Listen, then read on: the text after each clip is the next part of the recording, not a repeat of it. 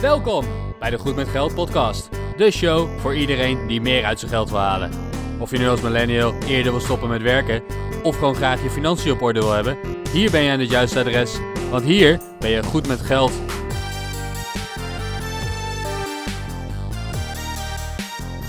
Dit is aflevering 38 van de Goed met Geld podcast. Ik ben Bas van firetheboss.eu En ik ben Arjan van stoppenvoormijn50ste.nl. en vandaag gaan we het hebben over alternatieve investeringen. Ja, want eh, Bas, wij roepen elke keer aan het einde van de aflevering... laat je reactie achter. Hè? Laat een 5-sterren rating achter als je ons leuk vindt op iTunes. Eh, laat reacties achter. Stuur ons een mailtje als je leuke ideeën hebt. En dat gebeurt ook echt. En daar zijn we super blij mee. Hè? Afgelopen week kregen we van Ilko en Robert kre- kregen we een mailtje. Ehm, maar daar komen we ooit een keer nog op terug. Dat ga ik bij deze al beloven, want er zaten hele goede ideeën tussen. Maar vandaag eh, gaan we in op het mailtje van Guido. Want eh, Guido die gaf aan van... ja, ik heb wel eens gehoord over exclusieve whiskies. En is dat niet een hele goede belegging? Dus nou, eh, om nou een hele aflevering te maken over whisky... is misschien ook weer zo wat. En Ja, zeker lijkt op me wel leuk. ja, maar zeker op de zaterdagochtend is dat wel zwaar hoor. Dat lijkt me net even te pittig. Dus eh, we gaan het vandaag hebben over alternatieve beleggingen. Want natuurlijk heb je whiskies, maar je hebt nog vele andere varianten en vormen en maten van alternatieve beleggingen. Ja, maar als we het hebben over alternatieve beleggingen, misschien moeten we even gewoon even beginnen met wat zijn nou de, de niet-alternatieve beleggingen of de standaardbeleggingen. En traditioneel zijn dat natuurlijk aandelen, obligaties, misschien zelfs vastgoed. En Ja, al die producten die inderdaad op de beurs eh, te krijgen zijn. Dat zijn de, de standaard beleggingsproducten. Ehm, ik voel mezelf al eh, een, een soort van pionier op het gebied van crowdfunding. Want dat is ook al een heel tijdje. Ja, ondertussen is het iets meer normaal geworden. Maar zeker zes, zeven jaar geleden was dat echt wel je van het. Ehm, en dan vooral de crowdlending. Want de crowdfunding was er natuurlijk al met Kickstarter en al dat. Eh, maar inderdaad, er zijn genoeg investeringsvormen die er eigenlijk sowieso al zijn. Ja, en kijk, aandelen en obligaties zijn op de beurs te verhandelen. Er zijn heel veel eh, beleggingsproducten ook, hè, zodat je niet in individuele aandelen hoeft te beleggen. Maar je kan ETF's kopen of indexfondsen. En daar hebben we ook afleveringen over gemaakt, waar we naar zullen linken in de show notes. Op goedmetgeldpodcast.nl slash 038. Maar vandaag gaan we het hebben dus over de wat minder standaard beleggingen. En die standaardbeleggingen die zijn heel makkelijk. Iedereen kan een accountje aanmaken bij een online broker. En, en dan kan je morgen als het ware al met je beleggingen aan de slag gaan. Ehm, maar er zijn ook mensen die verdienen geld met hele andere dingen. Nou, whisky is daar natuurlijk een mooi voorbeeld van. Ik, ik verlies vooral geld met whisky, want ik koop af en toe een fles en dan, drink ik hem op. Ehm, maar hoe zou je nou geld kunnen gaan verdienen met whisky, Arjan? Ik heb eigenlijk geen idee. En dat komt eigenlijk vooral omdat ik er geen verstand van heb. En daar gaat het al mis. Eh, van whisky heb ik totaal geen verstand. Ik weet ondertussen een beetje hoe ze het kunnen maken. Want in- tijdens mijn vakantie in Schotland ben ik bij zo'n eh, distillerij geweest. Gaaf Dus man. het proces ken ik geweest? bij Talisker. Ah, nice. Die is ja, lekker. Op, Ja, ja, eh, op Sky was eh, ik vond hem niet te nakken, maar degene die we te proeven kregen, die was ook erg sterk. Dat zei de, Talisker is degene. behoorlijk, eh, behoorlijk heftig, ja. Nee, Talisker valt dus schijnbaar al een beetje in de, in de middencategorie. Ehm, maar we kregen Talisker Storm te proeven. En dat, Mhm. dat is wel een hele heftige. Maar ik, ja, ik vond het super interessant. Maar dan krijg ik wel eens van, van vrienden en zo te horen van... Ja, ik heb nu deze whisky met een certificaat erbij. En dan staat er een nummer op die fles. Dat zijn genummerde flessen. Plus een certificaat van echtheid daarbij. En daar gaat het echt om. Want als jij een, een dure whisky wil... dan hoef je dus niet een whisky uit eh 30, 40 jaar terug te hebben. Want toen werd whisky ook al gemaakt. En toen werd whisky ook al in hele grote oplagen gemaakt. Dus dat is allemaal niet zo heel interessant. Het gaat vooral om die hele exclusieve whiskies.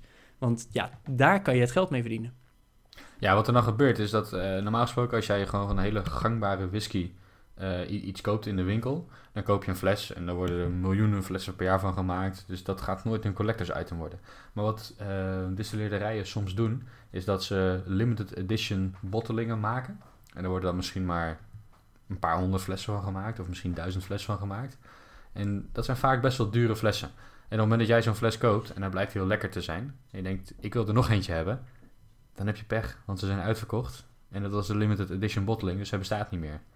Nou, wat er dus gebeurt, is dat met die limited edition whiskies die heel goed blijken te zijn, die heel erg in trek zijn, die worden voor hele hoge prijzen verkocht op de secundaire markt. Want ik kan gewoon misschien wel voor 100 euro een fles kopen. En als later blijkt dat iemand anders hem zo graag wil hebben dat hij er 500 euro voor wil betalen, dan zou ik mijn fles kunnen verkopen. Mits hij nog dicht zit en een goede status en noem het maar op. En Dus dat- certificaat erbij is. En het certificaat erbij, dat helpt natuurlijk ook. Maar dat is een manier om te kunnen beleggen in whisky.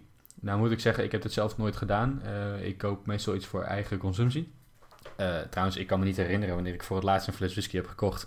Eh, het voordeel van whisky drinken is dat als jij bekend staat als whisky-liefhebber...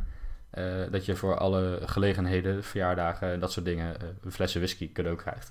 Dus eh, mijn kast puilt uit en ik koop eigenlijk geen whisky meer. Dus dat is misschien wel de beste de beste whisky hack die er is, is gewoon aan iedereen vertellen dat je whisky lekker vindt.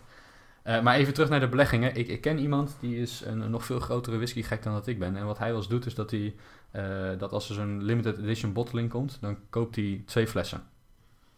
Eentje drinkt hij op. En dan heeft hij gewoon lekker een dure whisky opgedronken. En daar kan hij dan blij mee zijn. En die andere die bewaart hij. En die, eh, die, ver- die houdt hij netjes in zijn verpakking en eh, donker bewaren en noem het allemaal maar op. En dan twee, drie jaar later gaat hij eens kijken, wat zou die fles nu waard zijn? En soms heeft hij mazzel en is die fles echt vele malen het aankoopbedrag waard. En dan verkoopt hij die tweede fles. En heeft hij de kleine- eerste fles uiteindelijk gewoon gratis op kunnen zuipen. Nou, dan heeft hij gratis een hele dure whisky kunnen drinken en houdt hij er nog geld aan over ook. Nou, dit gaat natuurlijk niet altijd goed. Soms koop je twee flessen, dan drink je er eentje op en de tweede blijkt onverkoopbaar omdat niemand hem wil hebben. Eh, maar goed, dan drinkt hij hem ook maar op en dan accepteert hij dat hij daar veel geld voor heeft betaald. Eh, dus ja, het, het is mogelijk om geld te verdienen met dure whiskies als, als particulier belegger. Ehm, maar je moet er best wel tijd in steken. Ik denk dat je best goed moet bijhouden welke distilleerderijen populair zijn enzovoorts. Ja, ik denk hè, bij, bij whisky als, als alternatieve belegging moet ik ook meteen een beetje aan auto's denken. Eh, hè, we- ik heb een leaseauto, je hebt een leaseauto gehad. We, we hebben graag het over onze auto, want dat vinden we ook gewoon leuk. Maar heb, een auto is ook echt zo'n alternatieve belegging. Eh, die, die hele oude, echte oldtimers, die klassiekers, die, die echt als paradepaardje rondrijden. Daar, daar ga je niet in rijden, daar ga je in toeren. Dat, die auto's, dat is ook echt zo'n belegging waar je ja, dikke winst op kan halen volgens mij. Ja, normaal gesproken kosten auto's veel geld. Hè? Als ik kijk naar wat mijn auto kost, dan, eh, dan is dat best wel aanzienlijk. Eh, zeker in Nederland met de belastingen en dergelijke.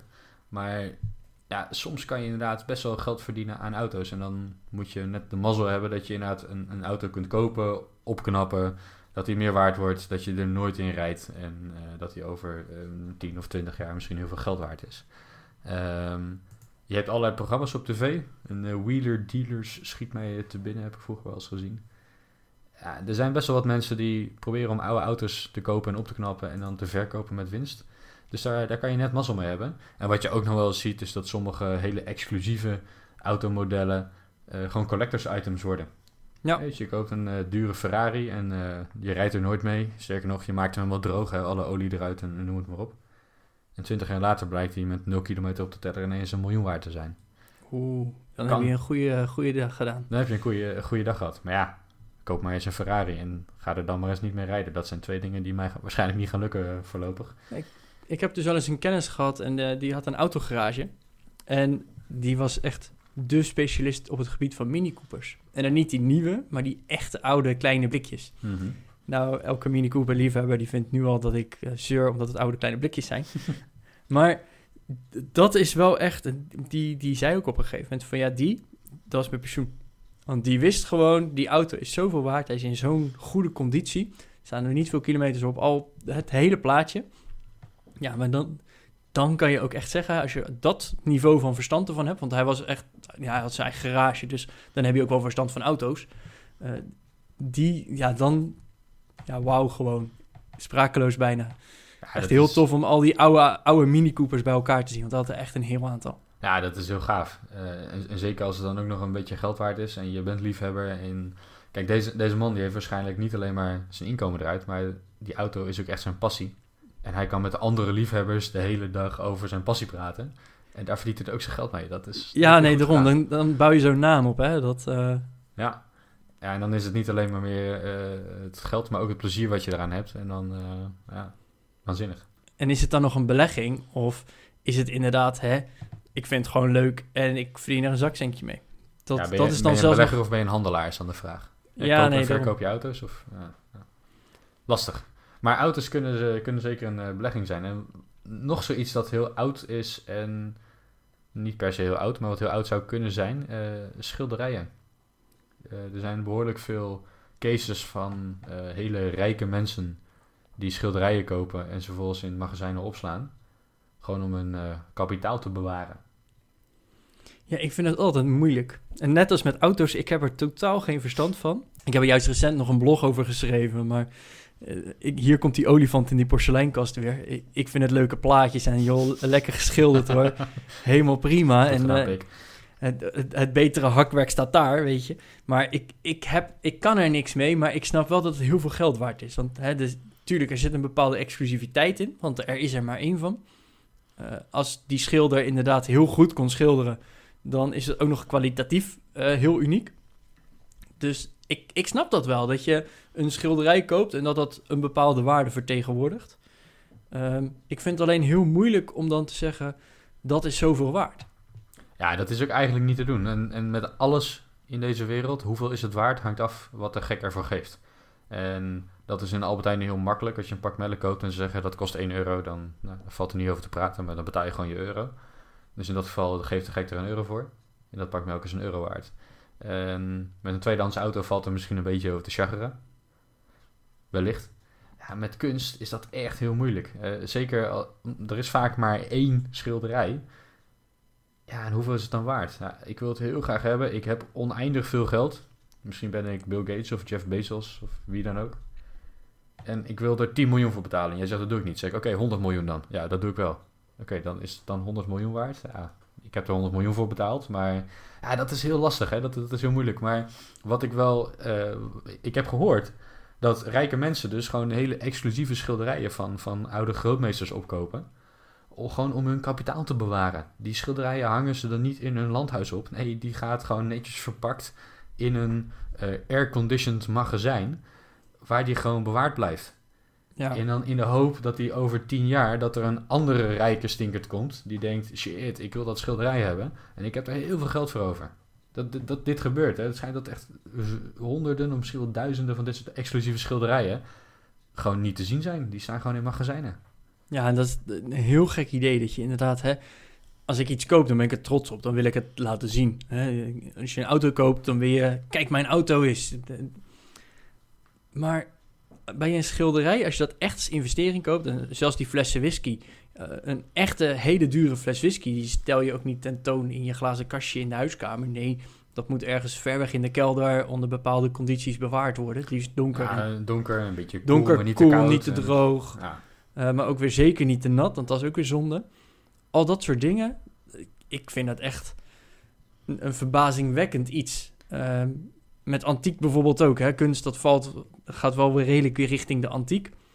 Uh, dat, dat moet dan weer onder bepaalde condities bewaard worden. En het is zo vaag wat je ervoor kan vragen of wat uh, iemand ervoor gaat geven. Net als met huizen. Soms is een huis 140.000 euro waard en soms is het 2 ton waard. Terwijl het exact hetzelfde huis is.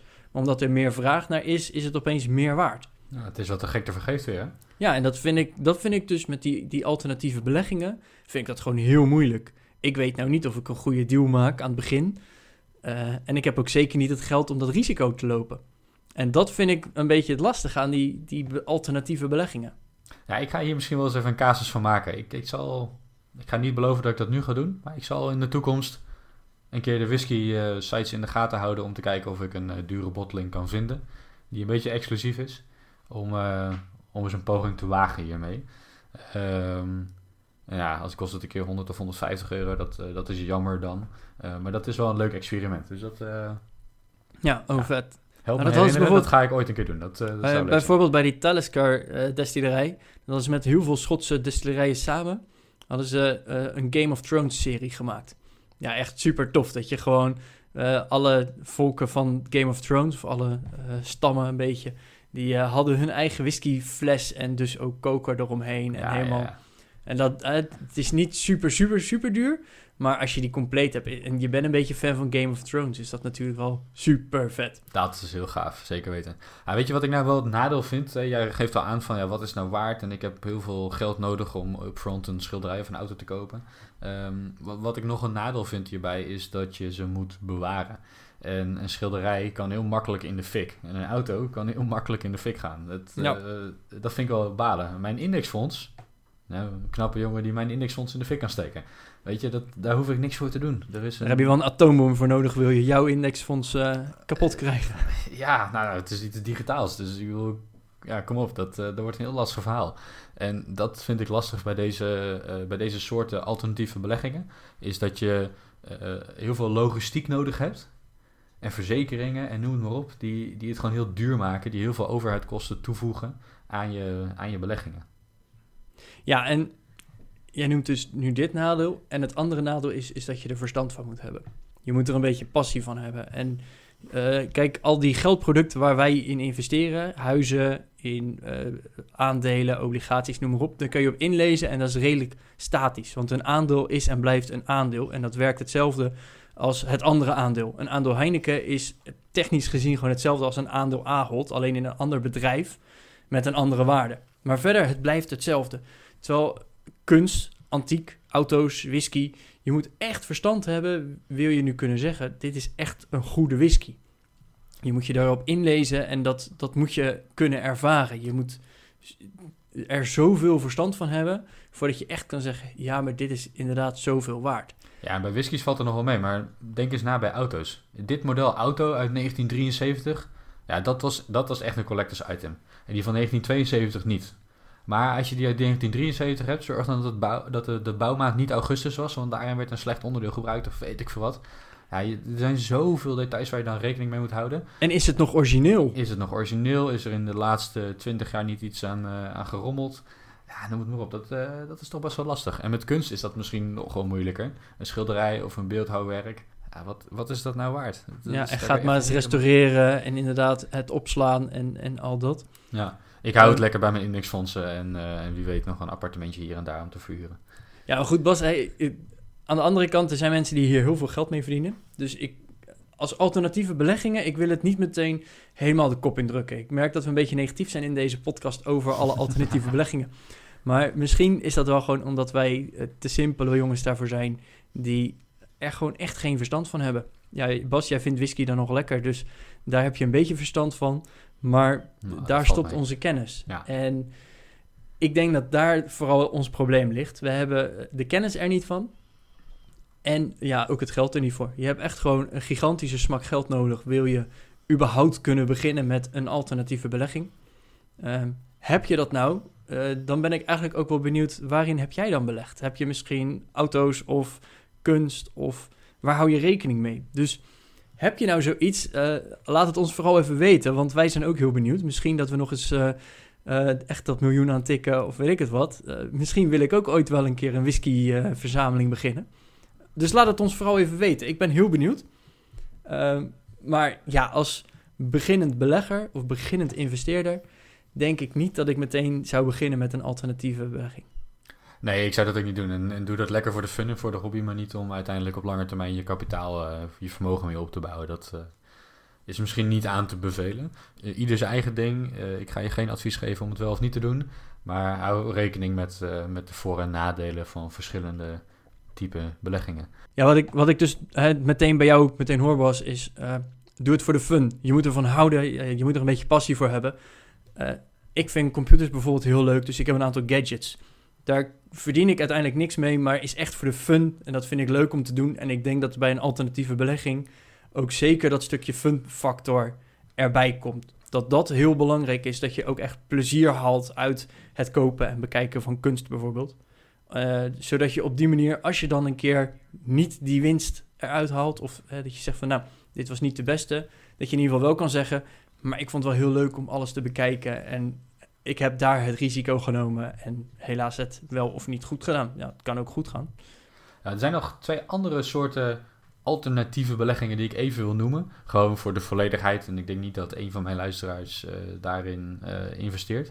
Maar dat zijn hedge funds en private equity. Een hedge fund is gewoon een beleggingsfonds. En ja, er zit een fondsmanager in en die probeert actief te beleggen in allerlei instrumenten. Dat kunnen aandelen, obligaties, vastgoed, andere dingen zijn. Dat maakt eigenlijk niet zoveel uit. Maar het doel van deze beleggingsfondsmanager is het beschermen van, de, uh, van het neerwaartse risico van jouw belegging.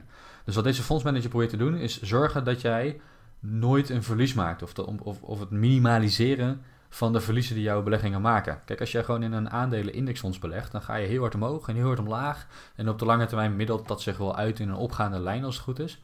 Maar wat een hedge fund probeert te doen, is die neergaande beweging te dempen. Het nadeel daarvan is, is dat je waarschijnlijk ook een heleboel upside weggeeft. dus je, je rendement zo omhoog, zowel omhoog als omlaag wordt dan, uh, wordt dan wat gedempt. Het kost een hoop geld om dit te doen. Hedge fund managers die willen graag veel geld verdienen. Uh, je betaalt zo 1 of 2% in management fees. Vaak zijn er nog entry- en exit fees als je in en uit het fonds wil stappen. Um, waarschijnlijk heb je uh, heel veel geld nodig om überhaupt mee te kunnen doen. Ik denk niet dat je met 100 euro per maand kan beginnen in een, uh, in een hedge fund. Dus het zijn alternatieve beleggingen, vaak voor de echt wat rijkere beleggers, die denken dat een actieve fondsbeheerder um, ja, een beter rendement kan scoren door geen verlies te maken of door minimaal verlies te maken. Heb jij wel eens iets met hedge funds gedaan, uh, Arjan? Helemaal niet. Nee, ik ook niet. Nee, ik ben ook niet. Ik heb er wel eens van gehoord en uh, natuurlijk, ik heb er wel eens wat over gelezen. Maar ja, er komt zoveel bij kijken en ook zoveel kosten. En ja, wij roepen altijd, probeer de kosten laag te houden. Uh, dat wordt eigenlijk bij elke belegging ook uh, genoemd. Probeer bij aandelen en zo de kosten zo laag mogelijk te houden. Want dat drukt heel erg op je rendement. Ja, en bij zo'n hedge fund, ja, het is heel leuk, maar die kosten zijn zo gigantisch hoog. Uh, ja, en nee, die garandeert dat ze dan ook echt meer rendement halen. Nee, daarom. Dus dat, ja, ik vind gewoon voor mij te risicovol. Ja, nee, absoluut. En ik denk dat voor veel particulieren dat het ook niet haalbaar is. En, en een andere vorm die voor veel particulieren niet haalbaar zal zijn, is private equity. Uh, particulieren die echt veel vermogen hebben, die kunnen soms wel eens wat, uh, wat private equity deals krijgen. Um, wat private equity in feite is, is uh, je gaat met een aantal beleggers samen, stop je geld in een pot. daarna ga je met dat geld proberen om een bedrijf te kopen. Je koopt niet met uh, al jouw geld dat bedrijf, maar je, je koopt een bedrijf dat veel duurder is dan de, dan de pot geld van de beleggers die je hebt. En de rest leen je bij de bank. Dus je hebt echt een soort leveraged investering die je doet. Meestal is de structuur iets dat je ongeveer 70% leent en 30% met, met beleggers, of met geld van beleggers um, zo'n deal doet. En ja, het is eigenlijk heel simpel hoe die deals werken. Um, je koopt een bedrijf, 70% ervan leen je, 30% komt van, van jouw eigen uh, geld. En je koopt een bedrijf en de winsten van dat bedrijf gebruik je om de rente op die lening te betalen. Dus je bent cashflow uh, neutraal of, misschien wel positief, dat zou heel mooi zijn. En dan probeer je in de, in de komende jaren, meestal 5 tot 7 jaar is dat ongeveer, probeer je om het bedrijf heel agressief te laten groeien. En daarna verkoop je het weer. Daarna betaal je die 70% die je hebt geleend, betaal je terug aan de bank. En de rest is van jou. Nou, op het moment dat je, uh, dat je het bedrijf kan verdubbelen, dan kan je natuurlijk wel voorstellen wat er met je eigen vermogen gebeurt, wat er met, wat je met je belegging gebeurt. Stel dat je voor een miljoen euro een bedrijf koopt, 700.000 leen je, 300.000 is eigen vermogen. Je verdubbelt het bedrijf, het is nu 2 miljoen waard. Je betaalt er 700.000 aan de bank terug en je houdt 1,3 miljoen zelf op een investering van ja. 300.000. Ja, ah, dat, dat, is wel... dat, zijn, dat zijn dingen die gebeuren. Er zijn uh, bedrijven, private equity firms, die dit constant doen. Die dus eh, geld van investeerders in een fonds stoppen. En daarmee een heleboel bedrijven overnemen op, op deze manier. Maar ja, de gemiddelde particulier die heeft niet zo heel veel toegang, denk ik, tot dit soort deals. Ja, ik moet meteen denken aan die Netflix-serie waar al die fraudes uh, in behandeld worden. Daar was namelijk ook een farmaceut die hetzelfde eigenlijk deed. Die kocht heel veel concurrenten op. Hè. Het waren dan niet private equities of uh, privépersonen die met een groepje investeerders een hele token opkochten. Uh, maar dat was een farmaceut die andere farmaceuten opkocht. En daarmee kochten ze ook alle uh, patenten en alles. En de medicijnen die maakten ze zo gigantisch duur. Want dat moesten ze, want anders konden ze de volgende opkoping niet betalen. Nou, ondertussen is dat bedrijf echt in de gigantische problemen gekomen. Uh, moeten alle medicijnen zodanig duur blijven om alle leningen en, en schulden en zelfs de boetes af te kunnen betalen die ze ondertussen hebben gekregen. Dus ja, ik snap inderdaad wel dat dit inderdaad een, een normale manier van, van zaken doen is. Maar hier gaat we ook wel een beetje ethiek mee spelen, denk ik hoor. Van, kan je dit op die manier wel maken? En ik denk bijvoorbeeld bij dat farmaceutische bedrijf dat dat echt wel een, uh, een slechte zaak is geweest dat ze het op die manier hebben gedaan. Ja, dat klinkt mij niet heel ethisch. Uh, nou moet je even voor de luisteraar private equity niet verwarren met een stel boeven die de medicijnen heel duur maken. Private equity is gewoon een, een, een vorm van investeringen waarin een, een bedrijf geld van investeerders spoelt, uh, een heleboel leent en daarmee een heleboel bedrijven koopt. En probeert die bedrijven te laten groeien, te verkopen en dan de winst weer aan de belegger uit te keren en een deel zelf te houden. Uh, dat, dat hoeft niet per se onethisch te zijn. Er zijn hele onethische private equity bedrijven die uh, bedrijven kopen, het opknippen, mensen eruit kicken, uh, waardoor ze op korte termijn heel veel winst kunnen maken. Je hebt ook wel wat meer ethische uh, private equity firms. Dus probeer daar wel een beetje een scheidslijn in aan te houden. Maar ja, het, blijft gewoon, het zijn hele exclusieve beleggingen vaak voor grotere beleggers. Ja, ik moet ook meteen zeggen, hè, die serie op Netflix heet Dirty Money. Dus dat zegt ook misschien wel genoeg. Uh, zeker een serie om aan te raden, dus ik zal hem ook even meenemen in de show notes. Maar uh, Dirty Money, uh, echt een aanrader om even te kijken. Maar goed, we hadden het over alternatieve beleggingen. Ik denk dat we het eigenlijk wel kunnen samenvatten als... ja, er wordt heel veel geld mee verdiend. Ja, het is zeker ook een manier om geld echt mee te verdienen en als investering te zien. Maar er zit een hele grote maar aan. Je zal er veel verstand van moeten hebben, meer dan bij de standaard producten. Het is veel lastiger om er geld mee te verdienen. Je moet er dus ook veel meer je best voor doen. Je moet er veel meer op inlezen. En je moet er een passie voor hebben. En ik denk dat dat wel echt het grootste struikelblok voor in ieder geval mij en Bas is. Is dat we niet zozeer die passie hebben om ja, daarin ons te verdiepen. Uh, ik, heb, ik vind het leuk om te weten hoe whisky gemaakt wordt, maar daar houdt het op. Dus uh, op die manier, ik denk dat dat vooral ja, de grootste punten zijn waar je rekening mee moet houden bij zulke alternatieve beleggingen. Uh, zoals eerder aangegeven, laat ons vooral even weten als jij een alternatieve belegging hebt of uh, ermee wil gaan starten. Wij zijn erg benieuwd. Misschien leren wij er nog iets van en kunnen we dat in een latere podcast nog even voorbij laten komen. Laat die reactie vooral even achter uh, via de mail gmg.goedmetgeldpodcast.nl of onder deze show notes van vandaag www.goedmetgeldpodcast.nl slash 038. Vond je deze podcast nou leuk of heb je meerdere afleveringen van ons ondertussen geluisterd en je denkt ik wil de heren Bas en Arjan ook even helpen. Uh, help ons dan. Dat kan via het achterlaten van een rating. Deze rating kan je achterlaten bij iTunes. Uh, daarmee laat je ook deze provider weten dat je het leuk vindt om naar ons te luisteren. Abonneer je ook vooral via bijvoorbeeld Spotify of iTunes. Want hoe meer abonnees wij hebben en hoe meer positieve ratings er zijn, hoe meer mensen wij ook weer kunnen benaderen om ook goed met geld te worden. Dit was aflevering 38 voor deze week. Wij zien je volgende week weer. Succes met je alternatieve beleggingen en tot volgende week.